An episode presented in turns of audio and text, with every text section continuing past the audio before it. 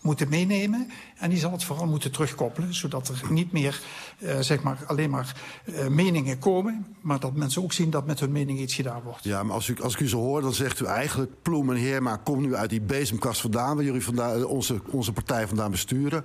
Ga staan en laat je zien. En dan uh, gaan we wel wachten tot Wopke het overneemt. Dat zegt u eigenlijk. u vult er mooie namen bij in. Ik heb alleen maar aangegeven dat ik wel vind dat de discussie goed is. Dat dat niet per definitie altijd tot onrust hoeft te leiden. Maar dat mensen wel op een gegeven moment dat je tegen elkaar moet zeggen... en zo gaan we het aanpakken. En dat mis ik. Dat ik moeten we ja, nu ja. met elkaar steviger gaan doen. Tijd om uh, door te pakken bij het CDA. Dank u wel, meneer Leers. Want het is de uh, hoogste tijd voor uh, Bureau Sport. Uh, de heren Dijk eerst naar Den Haag. Oh, oh, Den Haag. Want het blijft maar rommelen binnen het CDA. Na de ophef rondom de samenwerking met het Forum voor Democratie in Noord-Brabant... en de strijd om wie de nieuwe leider moet worden... komt daar deze week nog oneenigheid over het terughalen... van 500 vluchtelingenkinderen uit Griekenland bij moeten 500 weeskinderen die nu in de Griekse vluchtelingenkampen zitten naar Nederland worden gehaald. En zo'n 40 lokale afdelingen van het CDA vinden dat Nederland alsnog weeskinderen moet opnemen uit Griekse vluchtelingenkampen. En die doen daarom vandaag een oproep aan de partijleider. Een van die afdelingen is de afdeling in Bergen. En eerder vanochtend sprak ik met Klaas Valkering. Omdat we vinden dat uh, 500 weeskinderen laten zitten in Griekse vluchtelingenkampen niet past bij het gedachtegoed van onze partij. Um, wat is er aan de hand bij het CDA? Wat is er aan de hand bij het CDA? Wie, wie kan deze vraag beter oplossen dan uh, onze politieke man uh, Peter K. Uh, Peter, ja, het CDA, is het een beetje de nieuwe 50-plus? Ook altijd gedoe? Nee, nee, nee, dat gaat te ver. Het zijn niet een, een verzameling gekkies bij het CDA. Dat, is, dat kun je niet zeggen. Het is een goede, degelijke regeringspartij. Maar er is iets aan de hand. Ja, er is zeker iets aan de hand. afgelopen dinsdag, voorpagina van Trouw. Ik heb hem meegenomen voor je het, een oproep van 40 CDA-afdelingen... onder leiding van wethouder Klaas Valkering uit Berg aan Zee in Noord-Holland. En die zeggen 500 kinderen in, in Griekenland die vastzitten, Syrische weeskinderen... die moeten hier worden toegelaten. En het kabinet wil dat niet doen, die wil ze in Griekenland houden... en er geen geld voor beschikbaar stellen. En het CDA rebelleert, dus een deel van het CDA... En die Valkering die zegt... Het kan niet zo zijn dat iedereen het CDA hierover zijn mond moet houden. Dus hij maakt duidelijk dat er onvrede is binnen de partij. onvrede en het helpt natuurlijk ook niet dat er een duidelijke leider is, toch? Nee, dat is een, dat is een probleem. Want ja, we horen veel over die kroonprinsen van het CDA. Wopke Hoekstra, Hugo de Jonge. En dan schijnt er ook nog een kroonprinses te zijn. Vlak die nog niet uit, Mona Keizer. Uh, en partijvoorzitter Rutger Ploem noemde dat op Prinsjesdag nog een luxe, een luxe positie. We hebben twee kroonprinsen en een kroonprinses. Maar ja, uh, vooralsnog zitten op die plek Pieter Heerma, de, de, de fractieleider, Rutger Ploem. En je hoor je gewoon niet zoveel, weet je wel. Die manifesteren nou, zich niet is echt. Dat jij het zegt, want anders had ik niet eens geweten Nee, misschien. daarom. En, en die Heerma die heeft zichzelf ook zelf als tussenpaus benoemd. Ja, daar kom ik morgen elke ochtend vroeg mijn bed voor uit... om dan die bijdrage te leveren. En wat dat dan inhoudelijke verhaal van het CDA moet zijn... zodat als we het goed gaan doen, dat we er ook de goede dingen mee gaan doen. Ja, ja als, als dat de term tussenpauze is, zal ik dat als geuzetitel dragen. Ja, een geuzetitel, prachtig. Maar het is natuurlijk geen echte leider. En is het daardoor ook, omdat ze geen leider hebben... dat ze eigenlijk ja, geen vaste koers hebben, dat CDA? Nou, we hebben deze week heel erg rondgebeld in CDA-kringen. En mensen zeggen inderdaad, geen leider, geen koers, onduidelijk verhaal... Veel mensen durven zich ook niet hardop uit te spreken, weet je wel. Dus we, we hebben ze gevraagd, kom in de uitzending. Dan zeggen ze, nou, nee, ik durf het niet aan. Uh, uh, we moeten even afwachten en zo. Gewoon niks, dan kan ik ook niks fout zeggen. Nou, daar lijkt het een beetje op neer te komen. Of er is een soort, uh, hoe heet het, bevel uitgegaan. Mondjes dicht allemaal. Niet wrijven in een vlek, daar zijn ze altijd heel goed bij het CDA in. maar we hadden een tijdje geleden Paul Ruep aan de telefoon... in de uitzending bij ons... Paul Ruep, een, uh, een belangrijk man in Brabant. De man die zich verzette tegen die coalitie tussen Forum voor Democratie en het Brabantse CDA. En die was niet te bang om te formuleren dat het CDA een leider mist en een koers mist. Luister maar. Ik heb ook contacten gehad met, uh, met Rutger Ploem, uh, uiteraard. En ik heb ook gezegd, je kunt hier een standpunt innemen. Hier wordt nu leiderschap gevraagd, hier wordt visie gevraagd. Het is jammer dat we op dit moment geen echte leider hebben binnen het CDA... want de lijsttrekkerskeuze moet nog gemaakt worden. En op dat opzicht zijn we dus ook stuurloos. Het gaat hier over morele ethische waarden. Daar hoort juist een partij als de CDA een opvatting over te hebben. Hij zegt, we zijn stuurloos. En die Ruup, dat is echt niet de minste, toch? Binnen nee, zeker niet. Uh, Oud-gedeputeerde in Brabant. Uh, leider van het verzet daar, daar dus. Goede contact in het Koninklijk Huis. Is een belangrijk man. Een uh, man die ook goed uit zijn woorden komt. Um, En hij zei wel iets. En Rutger Ploem, die voorzitter, die kwam pas vorige week, twee weken geleden, met een brief waarin hij zei: Ja, wat ze in Brabant doen, oké. maar landelijk gaan we dat nooit doen met het Forum samen. Dus toen kwam er pas een stellingname eigenlijk. Er kwam er een soort van stelling, maar er is niet echt een, een, een nieuw CDA-verhaal, toch? Hè? En het is toch ook eigenlijk al langer zo dat, dat heel veel mensen kritiek hebben op het feit dat het CDA gewoon geen kleur op de wangen heeft. Nee, eigenlijk is het een zoektocht die al een hele tijd duurt. Buma die had wel een soort conservatieve lijn ingezet. Maar in feite is het sinds die grote verkiezingsnederlaag uit 2012... al acht jaar een partij die zoekende is naar een koers. Het begon dus in 2012. De CDA 21 naar 13 min 8. Het beeld blijft hetzelfde. Een mokerslag voor het CDA. 13 zetels is een historisch dieptepunt. Nog nooit was de partij zo klein.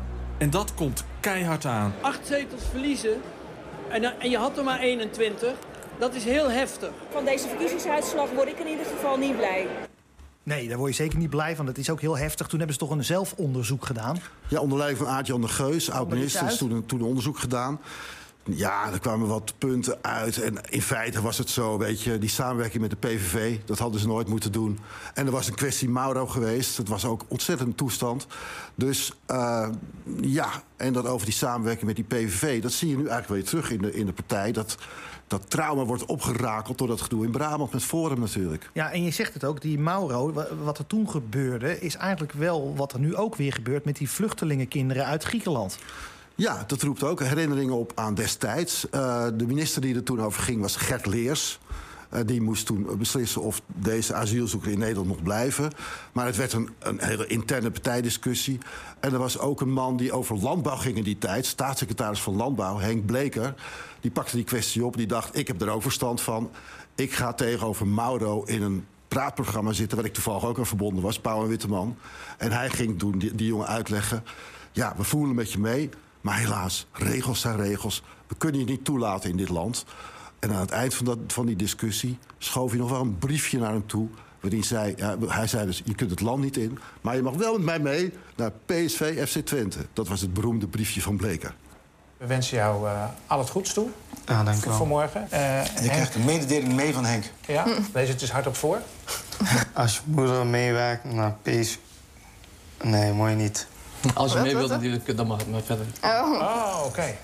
Hij is wel PSV'er, hè? Ja, dus, Oké, nou ja, wie weet leidt het nog tot een mooie wedstrijd. Ja, historisch fragment, het briefje van Bleker, ongelooflijk. Maar nu zie je dus eigenlijk weer diezelfde dilemma's. Want ja, ergens in Brabant wordt er samengewerkt met het Forum voor Democratie. He, dan kan je kijken van, nou, dat was vroeger dus de PVV. En ook, vroeger hadden we Mauro. En nu hebben we dus die 500 Griekse asielkinderen. ja, en eigenlijk zie je weer hetzelfde. Die rechtsconservatieve vleugel, die, heeft, die zit nu uh, ja, die regeert nu eigenlijk, weet je wel, met VVD natuurlijk. En de linkse uh, kant van het CDA, daar is de onvrede. En dat zie je ook op meer dingen. Je ziet uh, dat, dat over dat forum dus was onvrede. nu komt er ook nog binnenkort een steunpakket voor Afrika aan... waar binnen het kabinet ruzie over is. Een miljard moet naar Afrika. Een miljard euro naar Afrika. Nou, D66 en de ChristenUnie zeggen, goed idee. Ik ook. Het CDA zegt, no way, vooralsnog, weet je wel. Maar ook daar is alweer verdeeldheid over. Het blijft, uh, nou ja, de, de, de, de rechtse kant heeft het voortouw op dit moment. Dus je hebt eigenlijk die twee flanken, uh, links en rechts. Uh, maar ja, je kan ook zeggen... Het is wel goed dat er discussie is binnen een partij. dat niet iedereen gewoon maar ja, blind achter een leider aanloopt. Maar gewoon dat je gewoon aan het zoeken bent naar de juiste koers. Discussie is altijd goed binnen een partij. Maar ja, als de discussie deels wordt gesmoord... en mensen ook niet echt meer durven te zeggen... en heel erg uh, uh, de onvrede gaat, gaat uh, kristalliseren, zeg maar... dat is nooit goed, zeg maar. Ja, en wat is echt het grote probleem van het CDA? Nou, dat is ehm, dat, je, dat er tijd wordt voor een leider... dat er tijd wordt voor een koers... dat er een duidelijkheid moet komen welke kansen opgaan. En dat er uh, uh, ja, een keuze wordt gemaakt. Keuzes maken. Ja, en we hebben ons suf gebeld in het CDA om te vragen hoe uh, er in de partij wordt aangekeken tegen het plan van de CDA-wethouder Klaas Valkering uit Bergen. Want ja, er moeten keuzes gemaakt worden. En dat bleek niet makkelijk, maar want een van de 40.000 CDA-leden die toch de moed heeft ons te woord te staan, is niet de minste. Want wij gaan erover praten met Gert Leers. Hij is voormalig minister van Immigratie en Asiel. En natuurlijk ook de voormalige burgervader van de parel van het zuiden, Maastricht. Goedemiddag, meneer Leers. Goedemiddag. Ja, asiel- en vluchtelingenzaken is vaak een open zee nu in het kabinet. Eh, dat zie je nu ook weer. Uh, wethouder Valkering uit Berg die heeft een plan gelanceerd. En je merkt ook weer dat het moeilijk ligt bij het CDA. Waarom is dit onderwerp zo vaak een, een politieke spagaat? Nou ja, ik denk dat mensen uh, hun gevoel heel graag uh, willen laten horen. En ook uh, zeg maar dicht bij het hart willen opereren. Ze vinden het gewoon onacceptabel dat mensen die het zo slecht hebben... dat we daar bij wijze van spreken geen oplossing voor bieden. En dat het beleid zo, zegt men dan, hardvochtig en, en streng is. En daar verzet men zich tegen. Ja, nu uh, is die spagaat heel erg duidelijk bij het CDA. Uh, welke argumenten zijn er te bedenken voor het plan van uw uh, partijgenoot Valkering om er echt voor te zijn? Nou ja, kijk, weet je, het, de neiging is inderdaad om dan daarin mee te gaan en om te zoeken naar argumenten.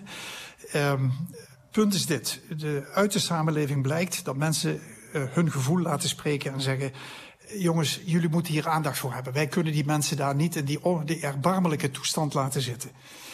Ik vind het hartstikke goed dat dat naar voren wordt gebracht. Het is ook goed dat de partij laat zien dat ze kwetsbaar is, dat ze die kwetsbaarheid ook laat zien.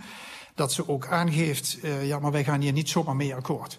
Maar dan moet het uiteindelijk bij de bestuurders die verantwoordelijkheid dragen, moet het uh, meegenomen worden. Die moeten daar een helder antwoord op formuleren en ook heldere keuzes maken, maar dat ook weer uitleggen. En daar ontbreekt het vaak aan, de terugkoppeling over weer naar elkaar toe. Het is wat ook net Peter K. zei, of wat u andere, uh, zeg maar uw, uw uh, verslaggever zei. Discussie is gewoon ontzettend goed. Maar discussie moet niet leiden tot onrust. En dus moet die discussie die we met elkaar hebben, die kwetsbaarheid die mensen laten zien, die moet gestroomlijnd worden. Die moet op een gegeven moment ergens uh, tot een conclusie leiden en zeggen en zo pakken we het op. En daar kan inderdaad die leider een belangrijke rol bij gaan spelen. Op 23 april stond er in NRC een advertentie van Defense for Children... met een oproep aan het kabinet om zich solidair te verklaren... aan die 500 kinderen en om ze op te vangen. Dat werd ondertekend door mevrouw Lodders, meneer Van Acht, Bert de Vries... Uh, Wijfels heeft sympathie daarvoor. Ik miste uw handtekening een beetje. Ja, dat, dat heb ik, doe ik heel bewust niet, omdat ik vind dat ik niet uh, de huidige bewindslieden voor de voeten moet gaan lopen. Het is zo makkelijk om als uh, uh, oud-bewindspersoon of als een mastodont in een partij weer eens iets te gaan roepen. wat, wat, wat, wat schiet men daarmee op? Ik vind dat natuurlijk ik achter de schermen wel mijn mening mag laten horen, maar ik ga niet in de openbaarheid roepen van het moet die kant op en nee, u doet het verkeerd. En ik vind dat niet verstandig. Maar waarom dat is, precies... is dat zo moeilijk? Want ja, het is toch, ja, het, het, is, het kan toch niet zo moeilijk zijn voor het CDA? Het gaat om 500 kinderen en je kan een groot probleem oplossen.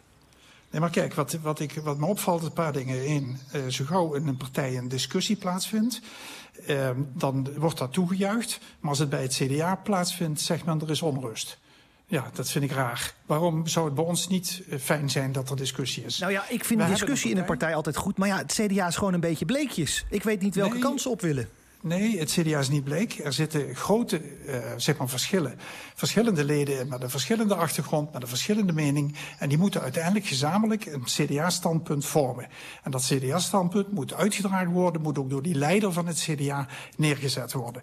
Dat is al, heeft niks te maken met bleekheid. Dat heeft te maken met uh, ook je mening laten horen, die uh, gelukkig gevarieerd is. Die de kwetsbaarheid laat zien en die de andere kant ook de stevigheid laat zien. Kijk, we hebben in Nederland ook een asielbeleid. En dat asielbeleid, dat, daar zijn spelregels over afgesproken. En je kunt niet iedere keer zeggen als er weer ergens een probleem is... ach, laat maar gebeuren, uh, we zien het wel. En nee, je moet hier ook een oplossing voor vinden. Dan gaan we alle kanten op. Maar als dus je moet hoor, duidelijkheid geven. Als ik u net zo hoor, dan zegt u eigenlijk... Ik mis, maar ik mis wel iemand die dat stevig uitlegt. Dus die leider die dat stevig uitlegt waarom we het zo doen. Ja, dat mis ik. En ik denk ook dat dat zeker moet gaan, uh, beter moet gaan plaatsvinden. Uh, we moeten ook echt met elkaar die discussie proberen uh, te stimuleren. Maar we moeten ook uiteindelijk die discussie durven af te ronden en te zeggen, en dit wordt het standpunt. Kijk, ik las gisteren, en dat vond ik wel een hele aardige, ergens een klein, wat, wat, is het, een, een, een chroniekje in een krant. En daar stond, zegt de ene persoon tegen de ander, hey, het CDA gaat met het CDA onderhandelen. Ja, en dan zegt de ander, hebben ze dan zo weinig principes? Ja, maar u zegt eigenlijk... Een zeer rake opmerking. Ja, maar dat is u zegt, precies wat er aan de hand is. U zegt ook eigenlijk, Ploem en Heerma laten het afweten op dit moment. Ik wil dat ze, dat ze wat doen. Nee, ik weet dat ze er keihard aan trekken. En ik weet ook dat we, uh, zeg maar, uh, natuurlijk nu in de opmaat zijn naar een keuze voor een nieuw leider. Ik zeg erbij, morele, ethische waarden die u net noemde... en die ontzettend belangrijk zijn aan de partij... zijn niet alleen afhankelijk van een leider. Die moeten inherent in die hele partij aanwezig zijn. Maar hoe mensen. kijkt u dan naar de samenwerking van het CDA met Forum voor Democratie in Noord-Brabant? Want ja, dat doet u misschien ook nog wel denken aan de tijden dat, eh, met het gedoogkabinet van PVV. Ja, nou, ik heb daar geen enkele moeite mee. Ik vind, eh, men heeft daar gekeken naar de Brabantse problematiek. En die Brabantse problematiek die verdiende een oplossing. Men vond dat met de huidige coalitie, waar, er toen, die, waar ook het CDA toen in zat... men geen oplossing kon bieden voor een grote groep die aan de, aan, de, aan de kant bleef staan. En toen heeft men gezocht naar een pragmatische invulling. En dan komt het er vaak op aan of je de mensen die dat moeten gaan invullen... of die elkaar vertrouwen. En of die met elkaar zodanige spelregels kunnen afspreken... dat je er ook eh, zeg maar, eh, op de toekomst mag vertrouwen... dat ze zich houden aan hun afspraken. Nou, en ik heb geen enkele moeite daarmee. Ik denk dat dat op zich goed is. Maar u, u wordt zelf nog steeds badend in het zweet wakker als u denkt aan die samenwerking met de PVV, toch? Ja, maar dat, eh, de- nu komt het erop aan dat eh, het is prima dat je eh, een club die een grote steun krijgt van de bevolking, want ook Forum voor Democratie en ook de PVV hebben grote zetels, grote aantallen zetels gehaald, zijn gesteund door een groot deel van de bevolking. En die kun je niet zomaar afschrijven. Die mag je niet aan de kant zetten.